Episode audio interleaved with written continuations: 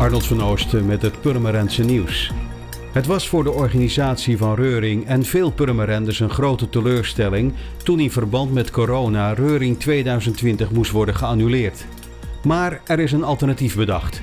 Vanuit je luie stoel kijken naar muziekoptredens en straattheater mede dankzij RTV Purmerend. Het heet Reuring Thuis.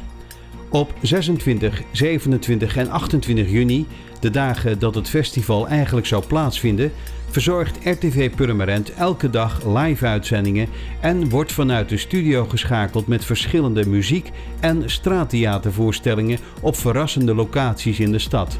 De uitzendingen van Reuring Thuis zijn te zien op kanaal 1390 van KPN en kanaal 36 van Zigo. En via de Facebookpagina's van Reuring en RTV Purmerend. Vanaf gisteren is de fietsenstalling aan de Plantsoenstraat weer open. Wel gelden verschillende maatregelen.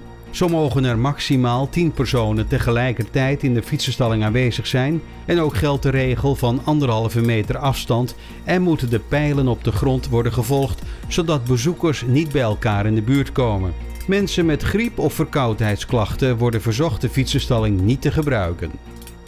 Het zit de eigenaren van de markthal niet mee. De feestelijke opening in maart moest al worden uitgesteld in verband met de coronacrisis en de economische malaise zorgt ervoor dat alle reserveringen van bedrijven als sneeuw voor de zon verdwenen. Maar op donderdag 18 juni gaan de deuren toch echt open, meldt de commercieel manager Sander Mook. In samenwerking met overbuurman Elmer van der Zee van de stallen gaat de markthal de komende maanden proberen het zomerse gevoel te versterken door wat Mook noemt een tropisch concept. Er komt een foodtruck en er zijn zomerse cocktails en er zal in ieder geval muziek zijn. Of dat live muziek is, is nog even afwachten. Voor meer nieuws, kijk of luister je natuurlijk naar RTV Purmerend, volg je onze socials of ga je naar rtvpurmerend.nl.